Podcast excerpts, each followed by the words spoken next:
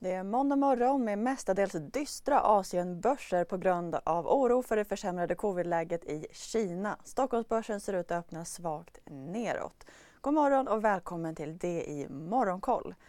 Tokyobörsen ligger runt nollan och största nedgången syns på Hongkong. Börsen Hang Seng som är ner 2% där techaktier tappar mest. Även Shanghai och Shenzhen är ner runt en halv procent efter att de första covid-dödsfallen har rapporterat på sex månader i fastlandskina.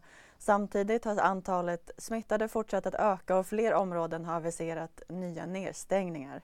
Bland bolagen är flygbolagen ner mest. Kinas centralbank behåller referensräntor oförändrade.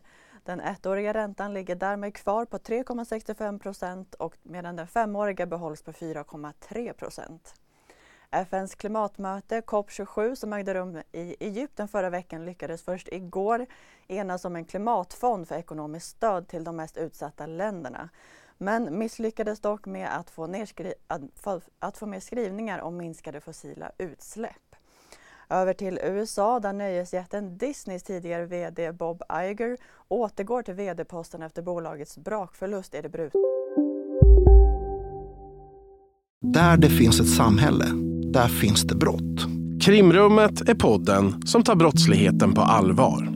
Jag bjuder in landets ledande experter och tar upp aktuella rättegångsfall för att begripliggöra den kriminalitet som kryper allt närmare. Du, alltså, du kan knäcka ett eller några gäng, men det kommer komma nya och så kan vi knäcka dem sen. Men att du ska knäcka allt forever, det kommer aldrig ske. Det är infinite gain. Lyssna på Krimrummet, en podd från Expressen med mig Kim Malmgren.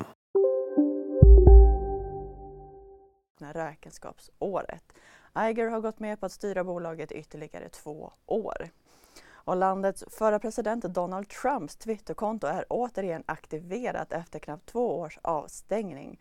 Det meddelar Twitters nya ägare Elon Musk efter att han lät användarna bestämma i en omröstning på plattformen. Den kollapsade kryptobörsen FTX har skulder på cirka 33 miljarder kronor till sina 50 största borgenärer.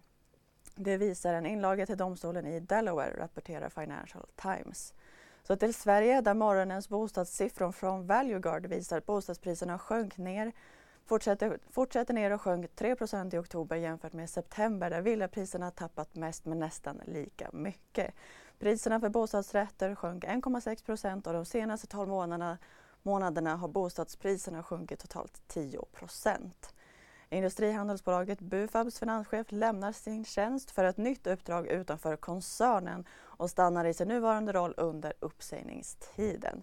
Det var allt för nu. Missa inte Börsmorgon kvart i nio och Börskoll klockan två. Ha en fin dag.